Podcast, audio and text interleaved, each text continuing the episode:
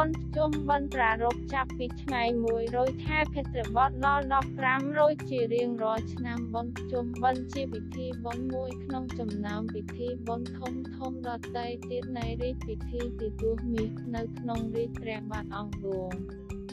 ទ្រង់ដើម្បីលើកទឹកចិត្តដល់កងទ័ពដែលបានច្បាំងឈ្នះត្រឡប់មកវិញព្រះអង្គក៏បង្កើតបុណ្យជុំបិណ្ឌនេះឡើងអាស្រ័យនឹងប្រូចវីអិនអងម៉ាត់រឿងក្នុងព្រះពុទ្ធសាសនាប្រជាជនកម្ពុជានាំគ្នាប្រារព្ធពិធីបុណ្យនេះមិនដែលអាខានឡើយគឺចាប់ពីថ្ងៃ100ខែភទ្របទរហូតដល់ថ្ងៃទី15រោចមានរយៈពេល15ថ្ងៃដែលយើងហៅថាបុណ្យ1បុណ្យ2 និងថែងបញ្ចប់គឺជាថែងជុំបិណ្ឌបុណ្យជុំបិណ្ឌត្រូវបានធ្វើឡើងតាមបែបព្រះពុទ្ធសាសនាហើយជារៀងរាល់ឆ្នាំនៅពេលដល់ថ្ងៃខែដែលត្រូវប្រារព្ធពិធីបុណ្យជុំបិណ្ឌគ្រប់បងប្អូនកូនចៅ សាច់ញាតិសន្តានទាំងអស់ទោះនៅទីជិតឬទីឆ្ងាយតែងតែធ្វើដំណើរទៅជួបជុំគ្នាជាពិសេសឪពុកម្ដាយដើម្បីរៀបចំម្ហូបអាហារបាយសម្លចង្ហាន់យកទៅប្រគេនព្រះសង្ឃដែលគង់នៅវត្តអារាមប្រវត្តិបុណ្យជុំបិណ្ឌពាក្យថាជុំបិណ្ឌមកពីពាក្យជុំរួមគ្នាជាមួយពាក្យបិណ្ឌដែលមានន័យថា ការប្រមូលឲ្យមូលឬពូនឲ្យជាដុំមកពីភាសាបាលីដុំវាយដូចជាអ្នកយើងអាចសម្គាល់ពាក្យនេះតាមវិធីងាយបានថាគឺជាការប្រជុំឬប្រមូលដុំដុំវាយការពុកដុំវាយជាដុំដុំដែលយើងហៅថាបាយ បិណ្ឌបើតាមតម្រាចារតាមប្រវត្តិសាស្ត្រនៃប្រទេសកម្ពុជាយើងបានបង្ហាញថាពិធីបុណ្យជុំបិណ្ឌគឺកើតមានតាំងពីបុរាណកាលមកម្ល៉េះប៉ុន្តែទាស់ត្រង់ថាកាលពីសម័យមុនគេមិនហៅថាបុណ្យជុំទេដោយនៅក្នុងពិធីនេះគេមានបែងចែកចេញជាពីថ្នាក់ថ្នាក់ដំបូងគឺគេចាប់ផ្ដើមធ្វើចាប់ពីថ្ងៃ1រោចរហូតដល់ថ្ងៃ14រោចជាវារកផតផតធ្វើតាមថ្ងៃ ជាបន្តបន្ទាប់ចំណែកមួយថ្នាក់ទៀតគេធ្វើនៅថ្ងៃ15រោចដែលគេហៅថាបុណ្យជុំពិធីបុណ្យទាំងពីរថ្នាក់នេះបច្ចុប្បន្នត្រូវបានយើងបូកបញ្ចូលគ្នាហើយហៅកាត់ថាពិធីបុណ្យបិណ្ឌជុំនេះឯងរឿងតកតងនឹងបុណ្យជុំបិណ្ឌនៅក្នុងគម្ពីរព្រះត្រៃបិដកនិងព្រះអត្ថកថាមាននិយាយតកតងទៅនឹងពិធីបុណ្យកាន់បិណ្ឌគឺគម្ពីរបេតវត្ថុ បកស្រាយពីរឿងប្រែគម្ពីរអានិសង្សបិណ្ឌនិយាយអំពីផលនៃការធ្វើបុណ្យគម្ពីរវិជាធរឬគម្ពីរវិជាធរនិយាយដំណើរអំពីប្រពៃណីរបស់ជាតិខែមកដែលជាប់តកតងមកដល់សពថែងគម្ពីរវិមានវត្ថុគម្ពីរធម្មបទជាដើម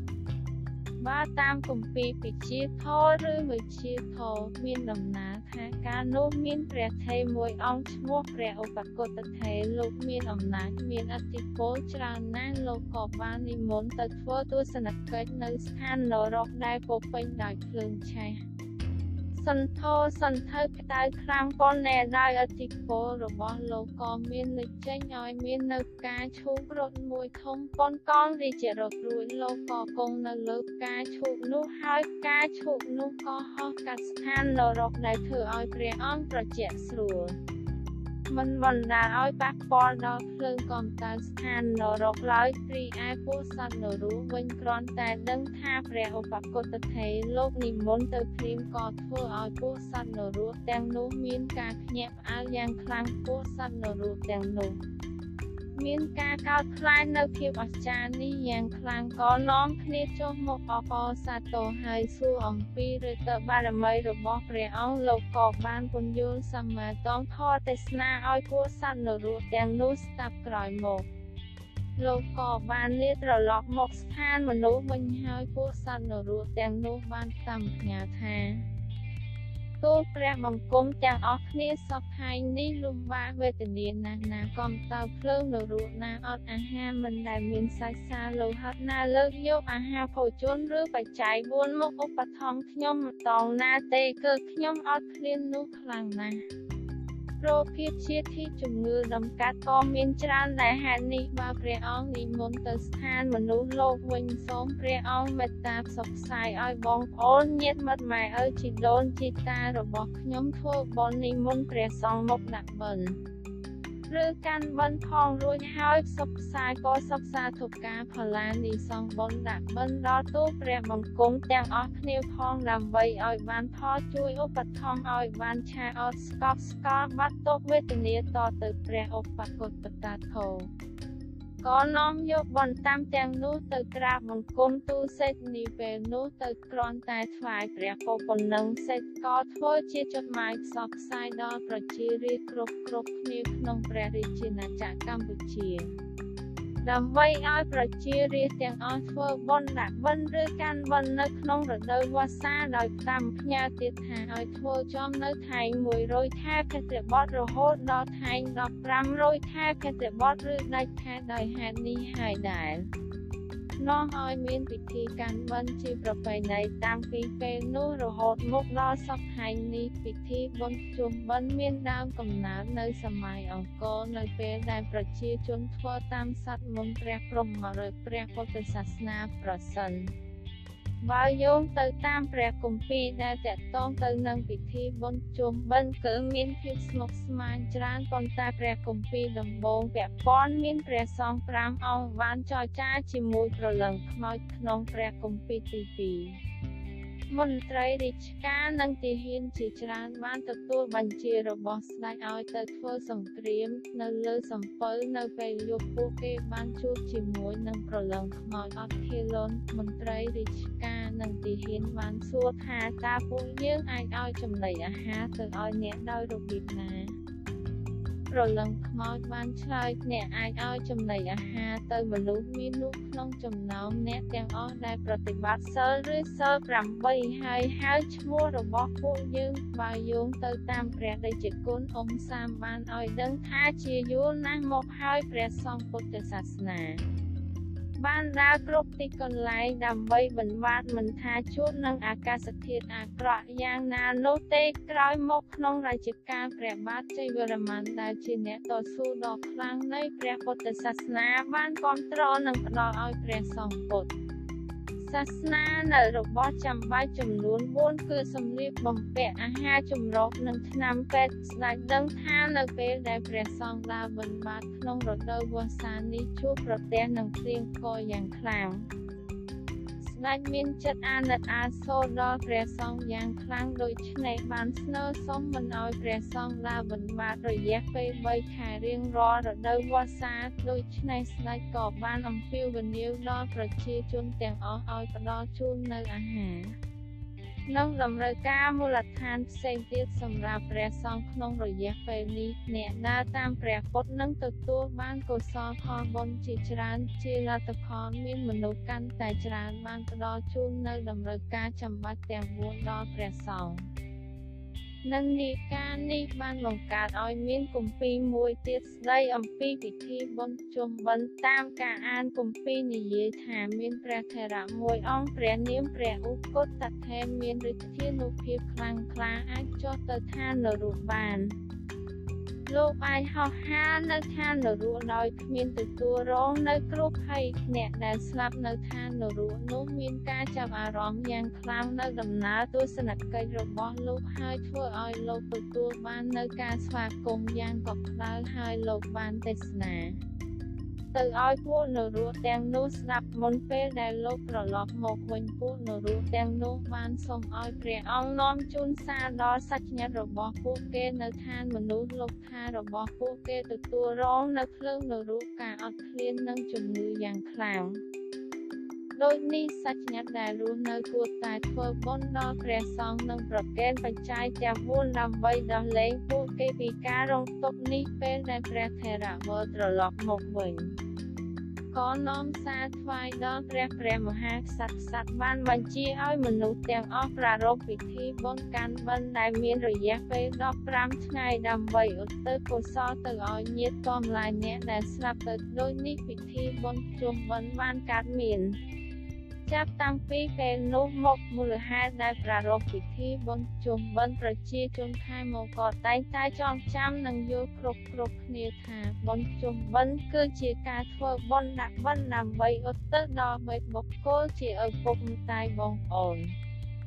ញាតិសន្តានទាំងឡាយដែលបានចែកស្ថានទៅហើយមិនដឹងជាទៅចាប់កំណើតនៅលោកខាងមុខជាអ្វីនោះប៉ុន្តែបើតាមអត្ថបទរបស់លោកសុងស៊ីវវិញការធ្វើបុណ្យជុំបិណ្ឌពុំមែនមានន័យតែប៉ុណ្ណឹងទេគឺលោកបានបកស្រាយដោយលើកយកអត្ថន័យចំនួន3គឺ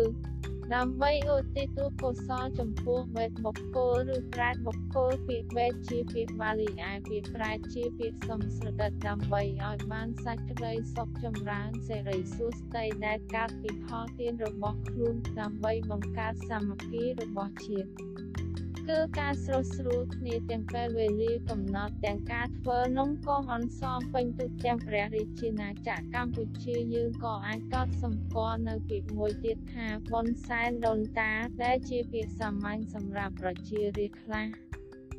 ព្រោះថាពាក្យទាំងពីរគឺមានន័យដូចគ្នាកាលពីសម័យបុរាណការគេធ្វើពិធីបុណ្យនេះគឺដើម្បីរៀបចំធ្វើសង្ឃផាត់ទំនុកបំរុងព្រះសង្ឃដែលគង់ចាំវស្សាក្នុងវត្តរយៈពេល3ខែចាប់តាំងពីថ្ងៃចូលវស្សារហូតដល់ថ្ងៃចេញវស្សា នៅក្នុងចំណេរការបុរាណបានចាស់ថាដោយនៅក្នុងរដូវវស្សាមានភ្លៀងធ្លាក់ជោគជាំរលឹមពព្រិច ធ្វើឲ្យមានការលំបាកដល់ព្រះសង្ឃក្នុងពេលធ្វើគោចរបិណ្ឌបាតហេតុដូច្នេះទើបបណ្ដាពុទ្ធបរិស័ទនាំគ្នារៀបចំពិធីនេះដើម្បីផ្គត់ផ្គង់ព្រះសង្ឃប្រចាំថ្ងៃរហូតដល់ថ្ងៃចេញវស្សាម្យ៉ាងវិញទៀតនៅក្នុងពិធីបុណ្យនេះគឺធ្វើឡើងដើម្បីផ្សាយឧទ្ទិសកុសលដល់ពពួកបេជនញាតិនិងញាតិទាំង7សន្តានព្រមទាំងដំណងញាតិច្រើនមហាកັບនោះផងដែរ តាមរយៈអនុភាពនៃសង្កតតខេណាទានដែលរស់រងតោវេទនាកើតជាប្រែតមានកម្មពីជាប់ទោសធ្ងន់រងកម្មប្រហល់ប្រហាយអត់ឃ្លានទាំងអស់នោះបានរួចផុតពីក្តីលំបាកសោកសៅ ម្យ៉ាងទៀតប្រជាជនខ្មែរប្រារព្ធពិធីបុណ្យជុំបិណ្ឌដោយសារតែពួកគេបានជំនឿយ៉ាងមុតមមតាមបណ្ដាំចាស់ចាស់ដែលពោលណែនាំនិងអនុវត្តជារៀងរាល់ឆ្នាំតគ្នាមកគេជឿថាសាច់ញាតិដែលបានចែកឋានទៅហើយមានមេដាបិតាជីដូនជីតា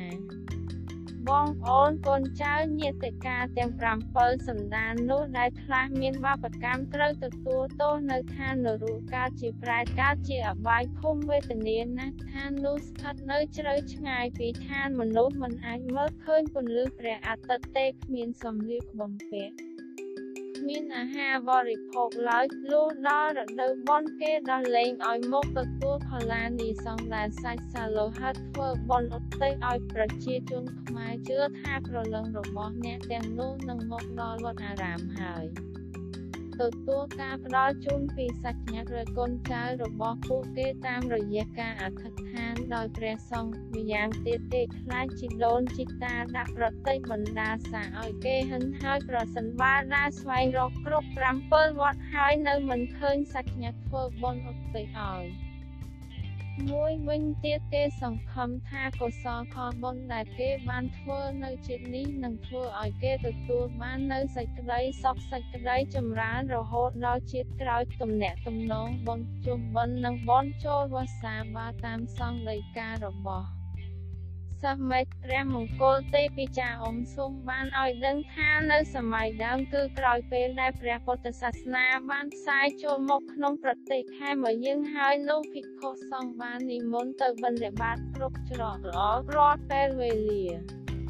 ដោយមិនគិតថាជារដូវវស្សារដូវប្រាំងរដូវក្តៅឬរដូវរងាឡើយលុះដល់សម័យសេចសោយរាជគឺវង្សជ័យវរ្ម័នព្រះអង្គមានព្រះតីជ្រះថ្លានិងព្រះពុទ្ធសាសនាក៏បានឧបត្ថម្ភព្រះសង្ឃដែលវោក្នុងព្រះពុទ្ធសាសនា ដោយបច្ច័យ4មានចងអានវណ្ណវាតសេនាសនភេសជ្ជៈនិងជ័យវោក្រោយមកទៀតព្រះអង្គទ្រង់ឆេញយោធានៅរដូវវស្សាព្រះសង្ឃនិមន្តចេញទៅបិណ្ឌបាតនោះជួបប្រទះនៅការលំបាកខ្លាំងណាស់ដូចជាភ្លៀង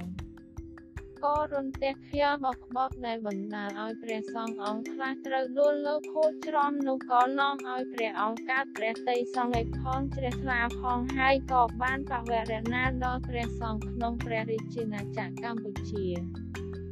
ឲ្យនិមន្តគង់នៅក្នុងវត្តហើយកុំនិមន្តចេញវិនបាត់ឯណាក្នុងរយៈពេល3ខែមិនតាប៉ុណ្ណោះព្រះអង្គក៏បានធ្វើជាព្រះរាជប្រកាសផ្សព្វផ្សាយឲ្យប្រជារាស្ត្រទាំងអស់ក្នុងព្រះរាជាណាចក្រកម្ពុជា ជួយឧបត្ថម្ភបច្ច័យ4ដល់ព្រះសង្ឃក្នុងរយៈពេលនៃរដូវវស្សាកុំឲ្យព្រះសង្ឃនិមន្តមិនបាននៅខាងក្រៅទៀតការអនុវត្តបែបនេះចេះតែថ្លៃបន្តិចតងតងប្រជារាស្ត្រក៏ធ្វើតាមព្រះរាជារហូតមក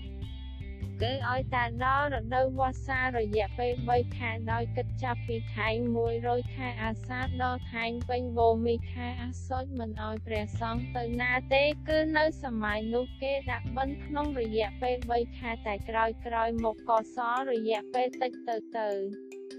រហូតមកដល់សពថ្ងៃនេះអាស្រ័យដោយកត្តាជីវភាពរស់នៅក្នុងសង្គមមានការរប្រែប្រួលរដូវបុណ្យជុំបិណ្ឌចាប់តាំងពីសម័យបុរាណកាលរហូតមកដល់បច្ចុប្បន្ននេះពិធីបុណ្យជុំបិណ្ឌនេះ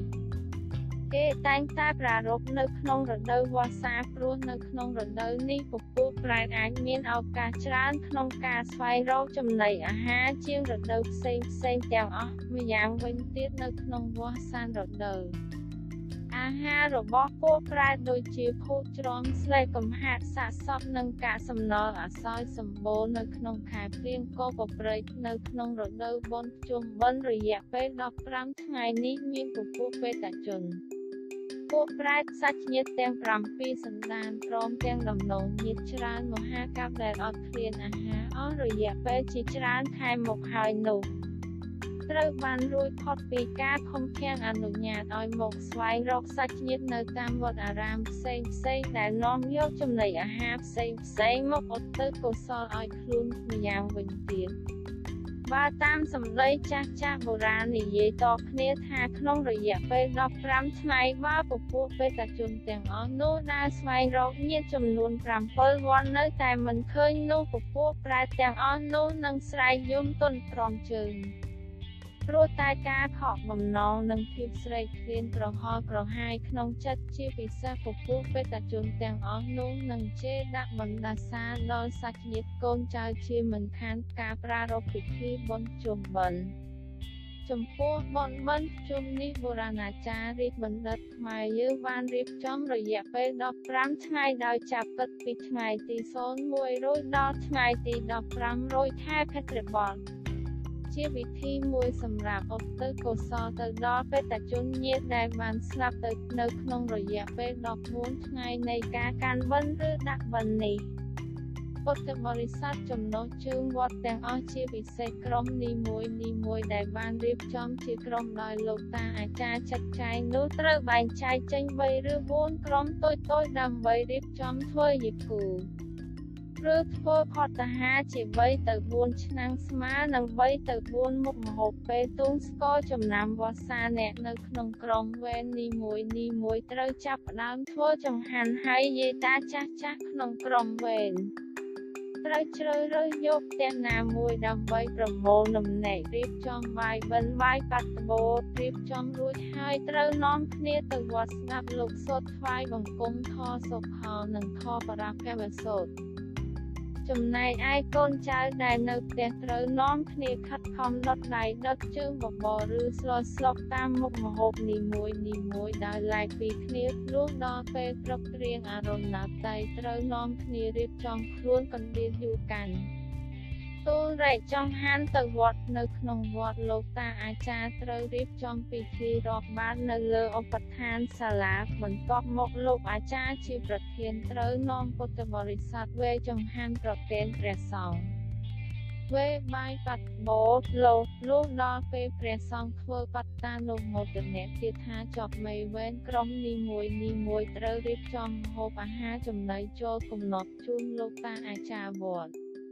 ព្រមទាំងចាត់ចែងភោជនាហារទទួលភ្ញៀវដែលអញ្ជើញទៅបន់នៅក្នុងថ្ងៃវេនរបស់ខ្លួននោះផងដែរការប្រគេនចង្ហាន់ដល់ព្រះសង្ឃត្រូវបានធ្វើឡើងដើម្បីឧទ្ទិសកុសលឲ្យទៅជីដូនជីតាមបងប្អូននិងញាតិទាំង7សន្តាន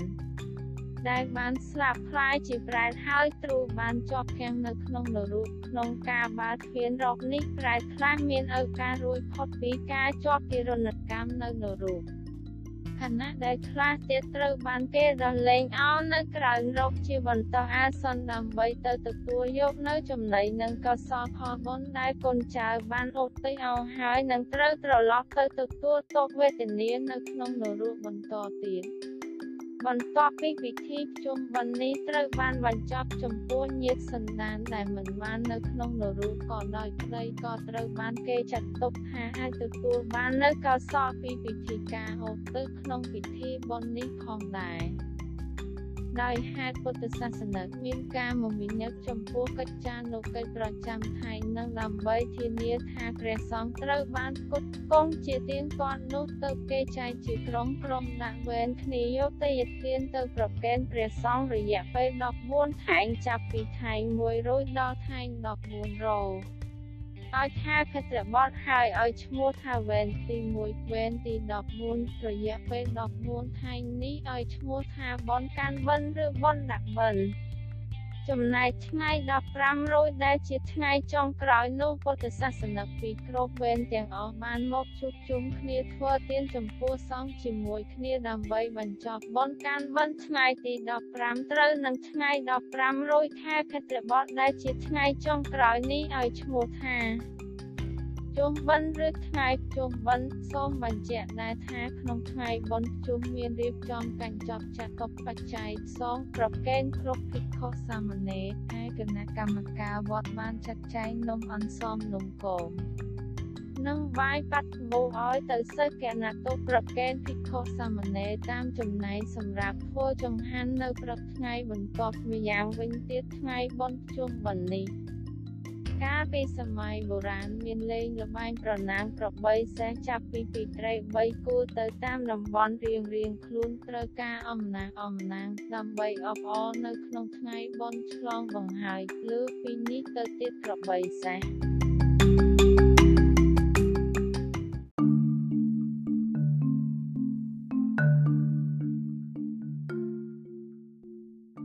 បស់ដែលត្រូវប្រកួតគេបានតបតែងលម្អដោយប្រេងរាបពណ៌រលើបរលោងមានពាក់ប្រឡៅកណ្ដឹងប្រដោកឬចង្ក្រងជាដើមត្រូវការអំណាងអំណាងកន្លែងខ្លះទៀតមានលេងល្បែងផ្សេងផ្សេងខុសពីនេះ ប៉ុន្តែរហូតមកដល់ពេលបច្ចុប្បន្ននេះទំនៀមទម្លាប់នេះចេះតែបាត់បាត់រួញថយបន្តិចម្ដងម្ដងសាសនាកាន់តែកន្លងវែងទៅនាំឲ្យការប្រកាន់ភ្ជាប់ស្ទើរតែបាត់បង់ច្រើនណាស់ដែលបរិយាសានបរាភវសោតបរាភវសោតអានថាបរាភវៈតែងត្រូវបានព្រះសង្ឃសូត្រនៅក្នុងព្រះវិហារជារៀងរាល់ថ្ងៃនេះពេលទីភ្លឺនៅក្នុងអំឡុងពេលបុណ្យកាន់បិណ្ឌ2 នៅក្នុងបរាភវសោតនេះជារឿយរឿយគេលើឃ្លាមួយដែលថានាំឲ្យវិនិច្ឆ័យឃ្លានេះជាហេតុនាំឲ្យអ្នកខ្លះមានទស្សនៈថាពួកគេមិនហ៊ានស្ដាប់ធម៌បរាភវសោតទេព្រោះខ្លាចវិនិច្ឆ័យតាមពិតបរាភវសោតមានន័យថាមេត្រាដែលពោលពីធម្មជាដែលគ្មានក្តីចម្រើនឬធរជាហេតុនាំឲ្យមានក្តីវិនិច្ឆ័យពីសូត្រនេះមាននៅក្នុងគម្ពីរសត្តន្តបិដកខតកនិកាយសត្តនិបាតត តយភាគទី54ទំព័រទី